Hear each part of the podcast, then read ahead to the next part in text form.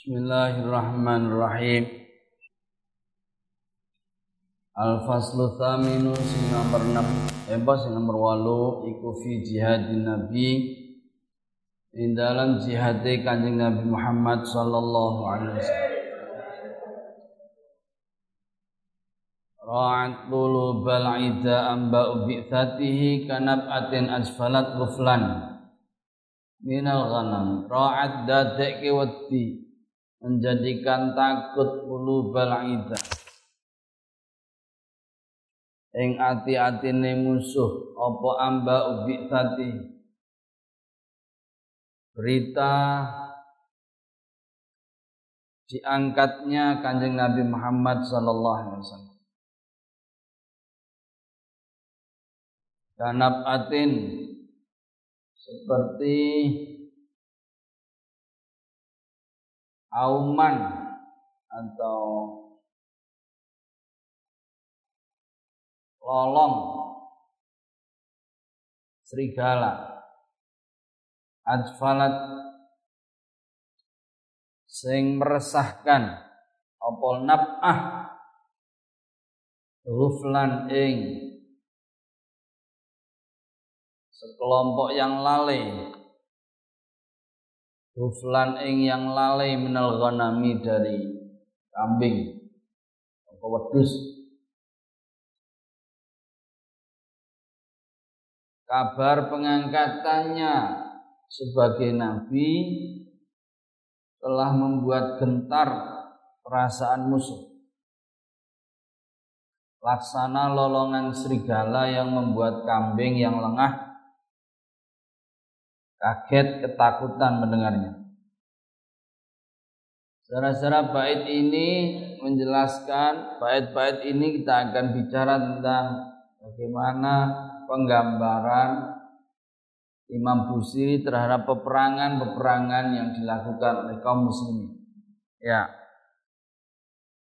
Dimulai dengan bait ini tentang diutusnya kanjeng Nabi Muhammad Sallallahu Alaihi Wasallam telah membuat gentar hati dari orang-orang musyrikin. Jadi Nabi diangkat menjadi Nabi itu membuat orang-orang itu takut. Dan memang inilah secara-secara salah satu keistimewaan dari Kanjeng Nabi Muhammad sallallahu alaihi wasallam. Yaitu membuat gentar musuh padahal belum apa-apa. Kanjeng Nabi ngendikan utitu khamsan lam yuqtahunna ahadun qabli. Aku diberi lima hal yang nabi-nabi yang lain sebelumku tidak pernah diberikan. Lima hal ini. Sudah. Salah satunya adalah nusirtu birro'bi masirata syahri. Saya diberi anugerah oleh Allah orang atau musuh yang ketemu dengan saya itu belum ketemu sudah takut duluan. Takutnya itu masih rota syahri belum ketemu perjalanan masih sebulan. Katakanlah perjalanan masih sebulan itu orang sudah takut duluan. Jadi ini salah satu keistimewaan dari Kanjeng Nabi Muhammad sallallahu alaihi wasallam, beliau diberi kemampuan untuk orang takut duluan. Kalau orang sekarang bahasanya cyber, ya. Harap nafsia jadi perasaan mengintimidasi kepada musuh. Ini yang punya kalau zaman dulu itu petinju Muhammad Ali. Atau yang terkenal kalau zaman sekarang ini modelnya Mourinho pelatihnya Tottenham itu senengnya itu belum belum sudah apa namanya menakut-nakuti orang. Wah itu, itu ahli. Jadi begitu itu penting. Karena apa? Dengan begitu orang itu akan takut ketika menghadapi betulan itu takut. Karena dia takut, maka dia tidak bisa me mengeluarkan kemampuan yang sebenarnya karena dia berada di dalam tekanan. Dia sudah down duluan. Nah, karena tidak bisa mengeluarkan kemampuannya yang benar-benar, nah kita yang punya kemampuan bisa masuk. Dan itulah salah satu keistimewaan kanjeng Rasul Muhammad SAW. Jadi beliau diberi kemampuan itu sehingga musuh belum ketemu sudah down duluan. Kalau secara-secara lihat mamanya eh, hari-hari ini kita melihat filmnya Umar yang di situ diceritakan sejarah kanjeng Rasul Muhammad SAW dan para sahabat. Itu musuh-musuh itu heran. Bisa loh perang Badar KCE satu banding tiga Perang apa lagi semua itu kalah dari sejumlah. Tapi kok bisa menang? Sampai Heraklius saja maunya. Itu gede-gede kok bisa nggak diapa-apain kok bisa kalah. ya Allah. Ini luar biasa. Jadi salah satu di antara uh, keistimewaan kanjeng Nabi itu adalah al-harb an-nafsiyah kemampuan untuk mengintimidasi musuh sebelum perang. Nah, ini sesuai dengan hadis beliau sendiri nusirtu birru'bi masirata syahr. Ya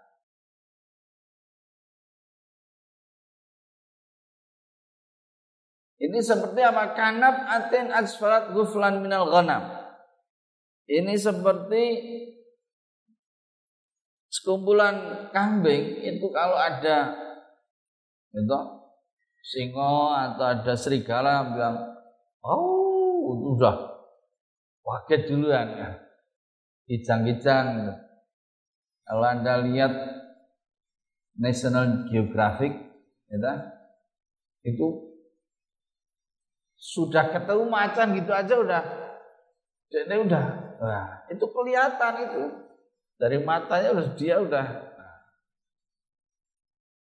Ini sehingga kemudian tidak bisa me mengeluarkan kemampuan uh, yang sebenarnya. Mazala yalqahumu fi kulli mutarakin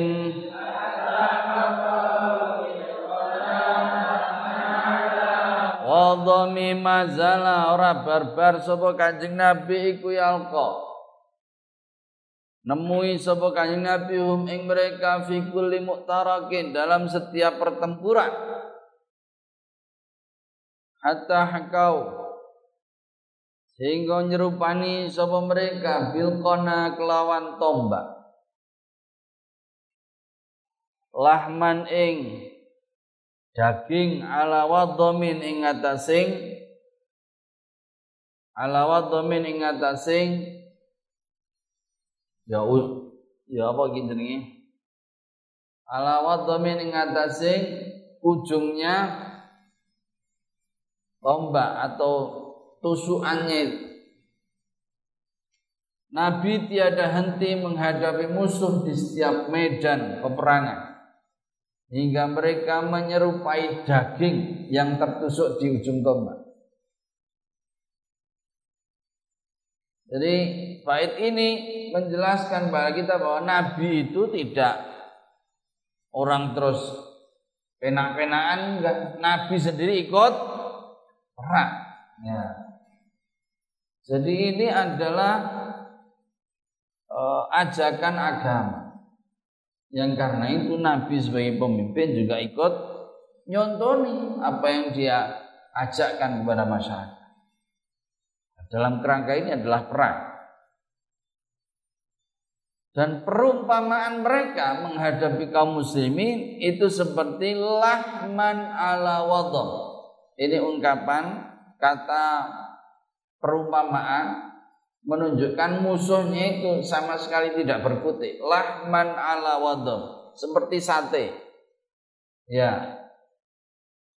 Daging yang ada di ya di tusukan itu. Al-wadham khos khosbah atau hadid wudi alaihi Allah. Jadi kayu atau atau apa? Hadid apa hadid? Besi yang di situ di, ada dagingnya. Jadi kayak sate itu. Lahman ala wadong. Jadi daging di atas tusukan. Itu menunjukkan eh, lawannya itu tidak berkutik sama sekali. Ya. Jadi akibat apa? Akibat semangatnya kaum muslimin dalam menghadapi peperangan. Ya, gigih. Wadul firar fakadu yaghbitu nabihi asla asalat mal ikbani warroham luar biasa Waktu mereka berharap al-firoro. Mereka di sini beda. Merekanya ini mereka orang kafir. Waktu berharap sapa musuh al-firoro. Eng lari. Mereka berharap bisa lari menghindar dari kaum muslimin. Fakadu mongko meh-meh ono mereka hampir-hampir ada siapa mereka iku yang bituna kepengin sama mereka bihi kelawan firor bihi kelawan firor asla ing potongan daging. Salat yang terbang apa asla?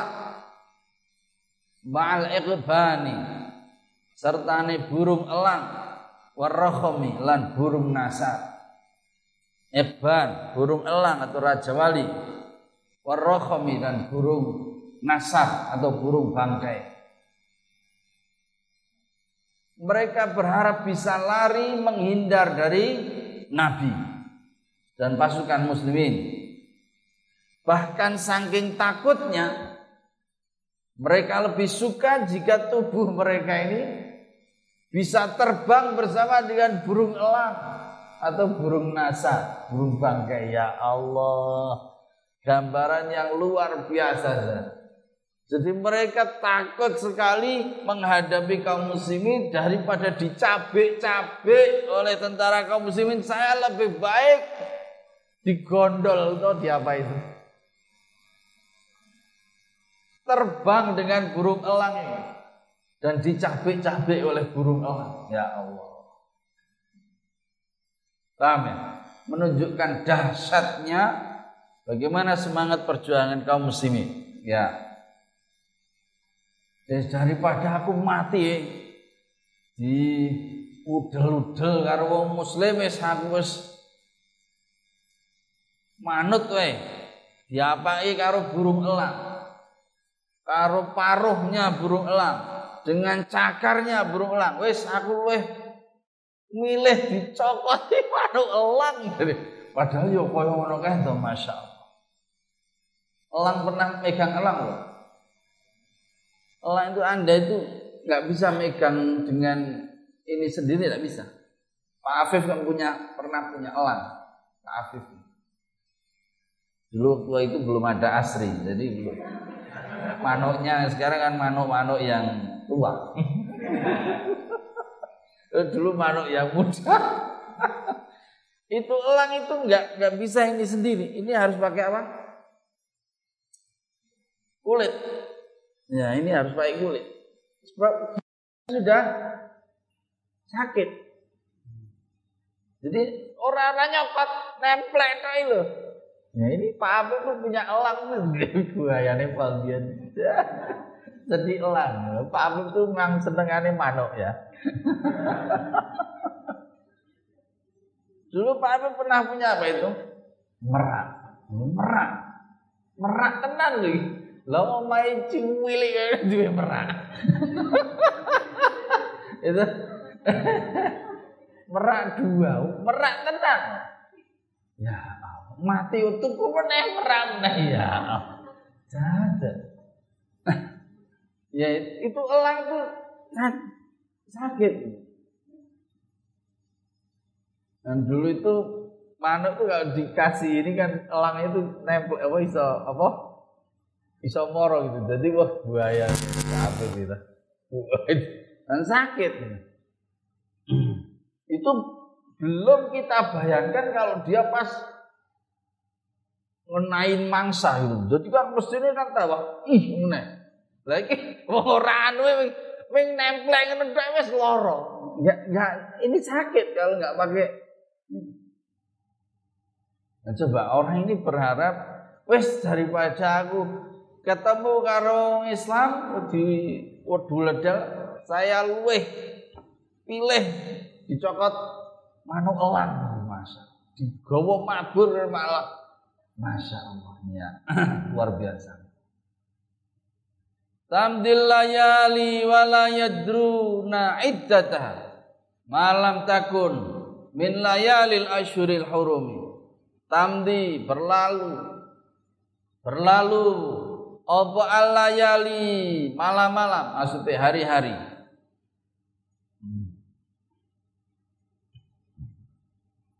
Walayadruna dan mereka tidak tahu iddataha ing hitungane layali. Hari-hari berlalu dan mereka tidak tahu ini dina. Iki ta'abira iki.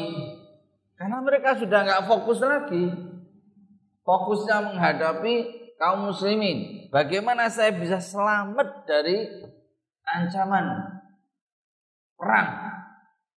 Saya bisa menyelamatkan diri, saya bisa. Ini fokusnya mereka. Malam takun selagi nih ora ana apa layali iku min layalil asyuril hurumi di antara hari-hari bulan bulan haram. Karena terlampau takut ya, saking takutnya hari-hari berlalu tanpa mereka tahu bilangannya. Hitungannya kita tanggal piro. Saya ini dinompo dan ini mikir. Selagi bu, bukan di bulan-bulan haram. Karena kalau bulan haram memang tidak boleh perang. Ya. Ini sah. Jadi mereka sudah lupa dengan hari-hari karena nggak nggak fokus, nggak konsentrasi dengan eh, hari-hari uh, itu. Yang penting bagaimana dia selamat. Mikir ke piye carane sesuatu aku selamat, piye caranya. Ya, Secara-secara dalam Islam itu ada bulan-bulan haram. Ya. Jadi ini warisan dari Nabi Ibrahim dan Nabi Ismail alaihissalam, alaihi wassalam.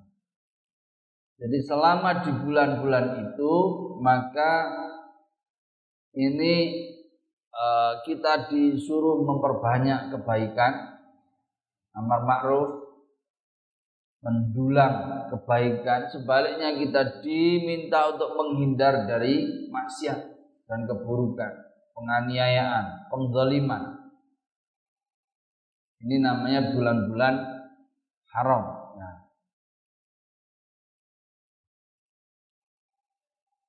ini berdasarkan ketetapan di dalam surah At-Taubah. A'udzubillahi minasyaitonirrajim. Inna iddata syuhuri inda Allah ibna asyara syahran fi kitabillah.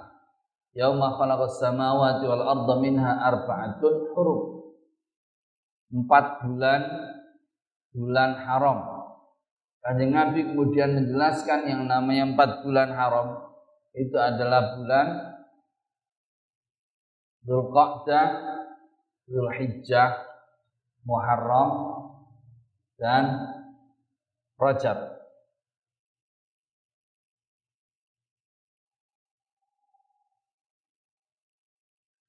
Arba'atun hurum, salasatun mutawaliyatun, Zulqa'dah, Zulhijjah, Muharram, dan yang satu tidak berbarengan yaitu bulan Rajab. Kenapa hari-hari itu saudara? Hari-hari itu adalah hari-hari haji. Haji itu dimulai dari bulan Zulqa'dah, Zulhijjah, puncaknya Muharram. Kenapa bulan Rajab? Ya. Yang itu ber ini antara Sya'ban dan Jumatil Akhir. Bulan Rajab itu karena yang jauh-jauh itu mereka pada umroh juga pada bulan Rajab. Ya. Jadi pada bulan-bulan ini kita diminta untuk memperbanyak kebaikan karena kebaikan yang dilalui pada bulan ini itu dilipat ganda. Sebaliknya keburukan yang dilalui pada bulan-bulan ini itu adalah keburukan yang dilipat ganda. Ya,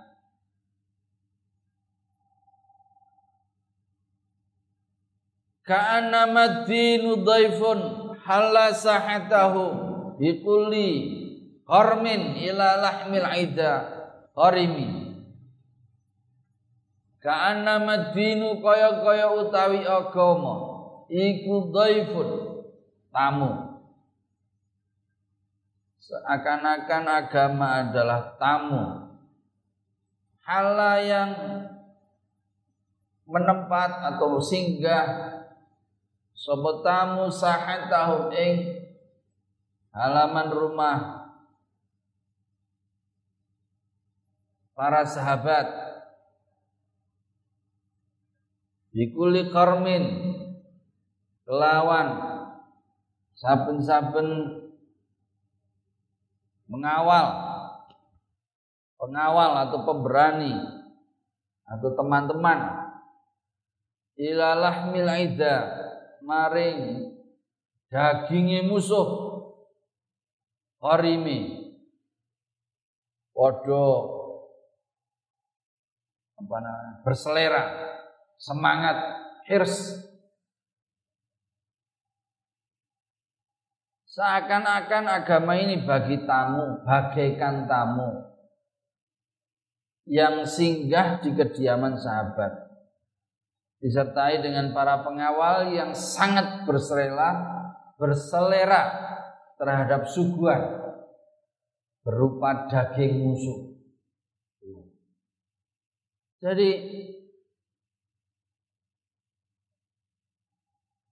jadi perang ini ibaratnya ya. Bagi kaum muslimin, pasukan kaum muslimin itu ibarat suguhan.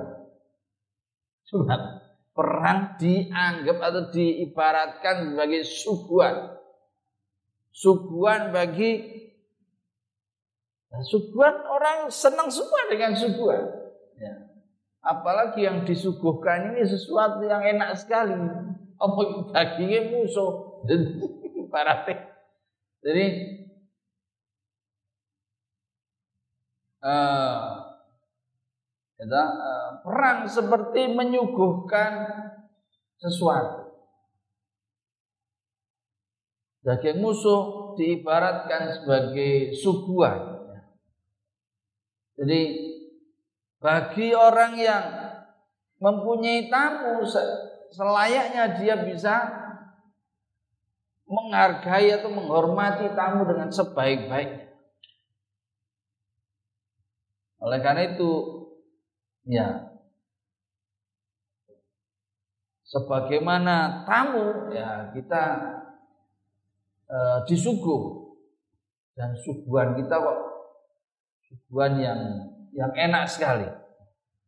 Jadi ibaratnya perang ini sesuatu yang menyenangkan. Jadi berbeda dengan yang lain. Kaum muslimin menghadapi peperangan dengan fun. dengan apa? bergembira. Karena seperti disampaikan dinyatakan dalam Quran itu ihdal husnain yang didapat dari apa pun yang kita lakukan itu dua. Ya Nek apa namanya uh, nek menang yo menang itu artinya kita mendapatkan kemenangan meraih uh, honima meraih kemenangan rasa syukur yang luar biasa. Nek kalah katakanlah mati itu yang mendapatkan mati syahid. Jadi melakukan perang itu sama dengan melakukan apa pun. Sama gitu.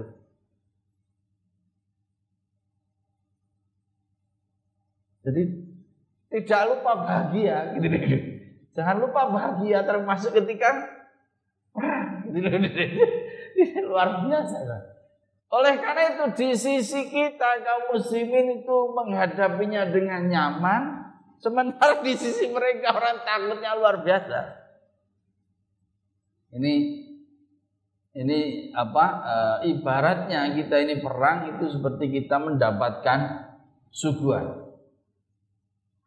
Ya jurru bahra khamisin fauqa sabihatin tarmi bimaujin minal abtali multatimin. Ya jurru Kanjeng Nabi menaik.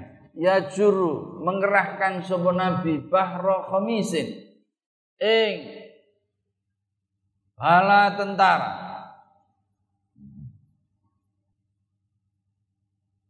Fauqa sabihatin di atas kuda. Kuda di sini diungkapkan dengan kata sabiha. Sabiha itu artinya apa? Perenang. Jadi kuda itu diibaratkan seperti perenang Saking cepatnya, saking bergelombangnya. Udah. Tarmi yang menyerang. Apa sabihah bimaujin kelawan gelombang. Minal abtali dari para pahlawan dari para pemberani. Multatimin yang berkecamuk. Ia mengerahkan tentara pasukan berkuda yang menyerang secara bergelombang. Laksana ombak yang berdeburan. Ombak dubur, dubur, dubur. Tidak ada habisnya, tidak ada hentinya. Jadi pasukan perang dalam Orang Arab itu menyatakannya dengan khomis. Khomis pasukan perang itu diibaratkan sebagai khomis, artinya seperlimanan. Kenapa? Karena dalam pasukan perang itu biasanya ada lima bagian. Ya. Bagian depan, bagian depan, bagian kanan kiri, bagian tengah, dan bagian belakang. Ini orang menyebut pasukan perang itu selalunya ada lima bagian. Ya, orang Arab menyebut komis, lima kompi, lima peleton. Yang bagian depan, kanan kiri, bagian tengah, bagian belakang.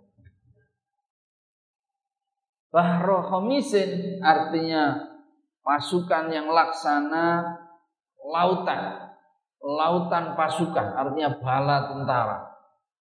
Fauqa sabihatin di atas kuda, yang kuda itu seperti renang, yang renang tidak ada batas. Apa? E, ketika dia renang. Ini kudanya itu laksana e, berenang dan dia berada di sebuah lautan berarti serangannya dilakukan secara bergelombang. Ini gambaran saja bagaimana e, pasukan kaum muslimin itu menyerang secara berterusan. Sini jatuh langsung ganti yang lain, ganti yang lain. Tidak ada hentinya. Ya min kulli muntadibin lillahi muhtasibin yastu bimustaksilin lil kufri mustalimin. Min kulli muntadibin. Saking setiap tentara yang muntadib yang siap sedia siap tempur. Tentara yang siap tempur lillahi krono Gusti Allah muhtasibin yang mencari ganjaran. Tentara ini siap, kondisi ini siap, motivasi ini ikhlas lillahi ini maksudnya. Yastu yang mengalahkan, yang menghancurkan sopa muntadib bimustaksilin kelawan alat perang entah itu panah ya panah, tombak ya tombak, pedang ya pedang. Lil kufri maring wong kafir mustalimin yang menghancurkan, yang mematikan. Tentara kaum muslimin tentara yang siap tempur. Secara fisiknya siap dan muhtasib panggilan tugas secara tulus ikhlas. Yang diharapkan bukan bayaran, yang diharapkan bukan pangkat, yang diharapkan adalah ento ganjaran. Ya Allah. Membasmi kekufuran dengan senjata yang mematikan. Ini motivasinya kaum muslimin yang tidak dimiliki oleh orang lain Orang lain perang karena gawean. Atau orang itu perang jadi polisi, jadi tentara karena dia jadi pasukan. Karena dia dapat bulanan. Ini kalau kaum muslimin sudah kadung perang, ya maka dia perangnya itu visabilillah. Maksudnya bi? Ya maksudnya dia pengen golek syahid, pengen golek menang, lan golek syahid. Jadi dia berharapnya itu luar biasa. Oleh karena itu tidak ada takutnya. Ini kalau kaum muslim ini perang. Makanya seperti yang saya nyatakan tadi. Mereka berperang dan mereka perang dengan dengan rasa bahagia. Teng teng teng teng teng. Bayangkan. Ya Allah perang dan perangnya itu karena Gusti Allah. Ya Allah. Ini secara satu-satunya ya, yang senjata yang kita punya itu adalah senjata mental. Itu apa? Jihad bisa Yang dari sinilah musuh-musuh kita ini takut. Karena dengan jihad orang itu nggak mikir mau urip ya alhamdulillah. Mati yo alhamdulillah. Itu. Ini mingkul muntadibin muntadib itu artinya siap. Dipanggil siap siap. Eh perang perang. Orang ah engko orang perang. Oh perang ini musuh. Oh iya siap ini harus kita oh malah ngono deh ya Allah. Yeah. jadi tidak ada pamrih keduniaan. Tapi pamrihnya itu adalah bagaimana menjadikan agama Islam sebagai agama yang luhur, terhormat, berwibawa. Ini coba, nah, luar biasa. Hatta ghadat millatul islami wahya bihi min ba'di ghurbatiha. Mausulat rahim hatta ghadat sehingga dadi apa millatul Islam? Agama Islam. Wa ya utai millatul Islam iku bihim kelawan mereka semua. Mimba di ya saking sawise asinge Islam. Saking sawise aneh Islam. Karena datang baru asing. Iku mausulatar rahimi. Menjadi saudara yang sambung, menjadi pengikat. Islam itu menjadi pengikat persaudaraan, perekat persaudaraan. Hingga berkat perjuangan mereka Islam yang semula asing ya, Islam ke asare sithik pengikutnya aneh asing ya. Dengan sebab Islam itu menang di mana-mana ya Islam menjadi terkenal menjadi masyhur dan Islam bukan lagi kemudian menjadi asing tetapi Islam malah menjadi alat pemersatu alat perekat persaudaraan suatu yang luar biasa bagi Islam kalau urusannya kalau orang itu sudah masuk Islam mungkin sebelumnya diperangi Ya Tapi kalau sudah masuk Islam, orang ini sudah tidak lagi menjadi musuh. Orang itu sudah bebas. Dia harus kita anggap sebagai saudara kita. Al muslimu akhul muslim yang tidak boleh mendolimi, tidak boleh nakali, tidak boleh ini, tidak boleh ini, tidak boleh. Jadi memang sebelumnya Islam itu asing, aneh, tapi ketika mereka sudah menjadi Islam, ya, maka orang itu menjadi bersaudara. Tidak boleh ada dendam, tidak karena mereka sebelumnya berperang itu tidak tahu. Dan ketika sudah menjadi Islam, justru inilah mereka menjadi alat pemersatunya adalah Islam. Bait ini secara menjadi penting bagi kita, ya tentang apa yang kita sebut dengan nasionalisme atau al-wataniyah. Wataniyatul Islam al-wataniyah nasionalisme yang benar adalah nasionalisme yang dasari keislaman. Ya. Dasari keislaman. Artinya apa kita membela, kita merangi, kita itu dasarnya kalau yang kita lakukan itu berdasarkan, berasaskan Islam. Ya. Ini nasionalisme yang luas. Bukan nasionalisme yang sempit yang dasarnya itu hanya berdasarkan wilayah geografis. Ya. Tetap podo-podo bantule bilang kalau sama-sama cuma bantul podo bantul tok bilo-bilo nih enggak enggak ada pentingnya tapi kalau sudah atas namanya Islam itu legitimasinya lillahi ta'ala dapat ganjarannya itu nek mati karuan mati ini mati syahid. Jadi bait ini mengingatkan kita tentang pentingnya nasionalisme Islam yang itu harus diutamakan. Karena nasionalisme Islam maka siapa pun kaum muslimin yang ada di mana saja maka itu adalah saudara kita. Meskipun dia di Myanmar meskipun dia di Rusia meskipun dia di Afrika kalau mereka mendapatkan gangguan mereka diperangi maka kita pun harus ikut mangkel.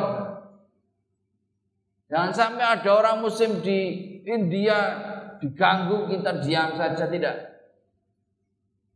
Nggak punya prihatin nggak punya perasaan empati terhadap oh, tidak ini nasionalisme Islam.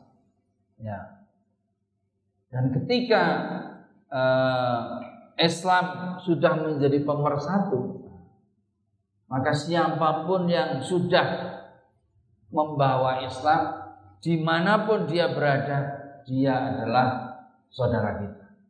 Ini. Meskipun sebelumnya kita perangi, meskipun sebelumnya mereka memusuhi, tapi kalau sudah Islam ya sudah. Yang lain, yang yang dulu-dulu sudah nggak boleh di sudah menjadi Islam. Oke. Makfulatan abadan minhum bi khairi abin wa khairi ba'lin falam taitam walam ta'imi iku makfulatan dijamin abadan ing dalam sak lawase minhum saking mereka al-abtal tadi apa?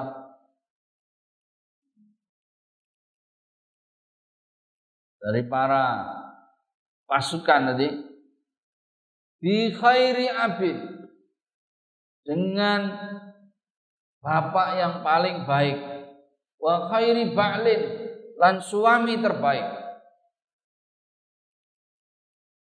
Yang karena itu falam taitam maka tidak akan menjadi yatim sopo Islam walam taimi dan tidak akan menjadi janda. Di ora dadi rondo. Akibatnya karena Islam itu menjadi alat pemersatu, maka Islam itu menjadi terlindungi. Agama Islam menjadi terlindungi, Islam itu laksana eh, anak rojo. Islam itu menjadi anak kiai, ning utawa gus. Sing apa-apa kuwi diladeni, apa-apa kuwi dipenuhi. Apa-apa kuwi dijogo. Ini Islam. Seakan-akan kita para pemulung Islam itu menjadi khairu abid. Menjadi bapak sing terbaik atau khairu ba'lin menjadi suami terbaik kalau dia diibaratkan sebagai istri. Ini. Jadi kita melayani Islam, melayani apa yang menjadi ajakan dari Islam itu seperti kalau kita mempunyai anak atau mempunyai istri, ya kita harus memperlakukannya dengan sebaik-baiknya. Nah, yang karena itu maka Islam tidak akan pernah menjadi yatim. Atau Islam tidak pernah menjadi rondo. Tidak punya pelindung. Tidak punya orang yang jagani. Ini kalau kita menjadikan Islam itu sebagai betul-betul sebagai pemersatu betul-betul sebagai perekat persaudaraan kita. Itu tadi yang saya bilang dengan wataniyatul Islam atau kebangsaan Islam. Ya. Yang dari situ tentu saja eh, Islam itu aman, Islam itu terlindungi. Kalau tidak begitu, jangan sampai, jangan harap Islam itu dihormati. Seperti hari ini, Islam itu dicampakkan di mana-mana. Karena apa? Orang tidak punya kepedulian terhadap Islam. Islam banyak dilecehkan. Ini yang kita prihatin eh, pada masa-masa seperti sekarang. Ya. Humul jibalu fasal anhum musadimahum madaro aminum fi kulli mustadamin. Insyaallah besok kita lanjutkan. Semoga bisa difahami dengan baik. Nakhtatim bilhamdalah.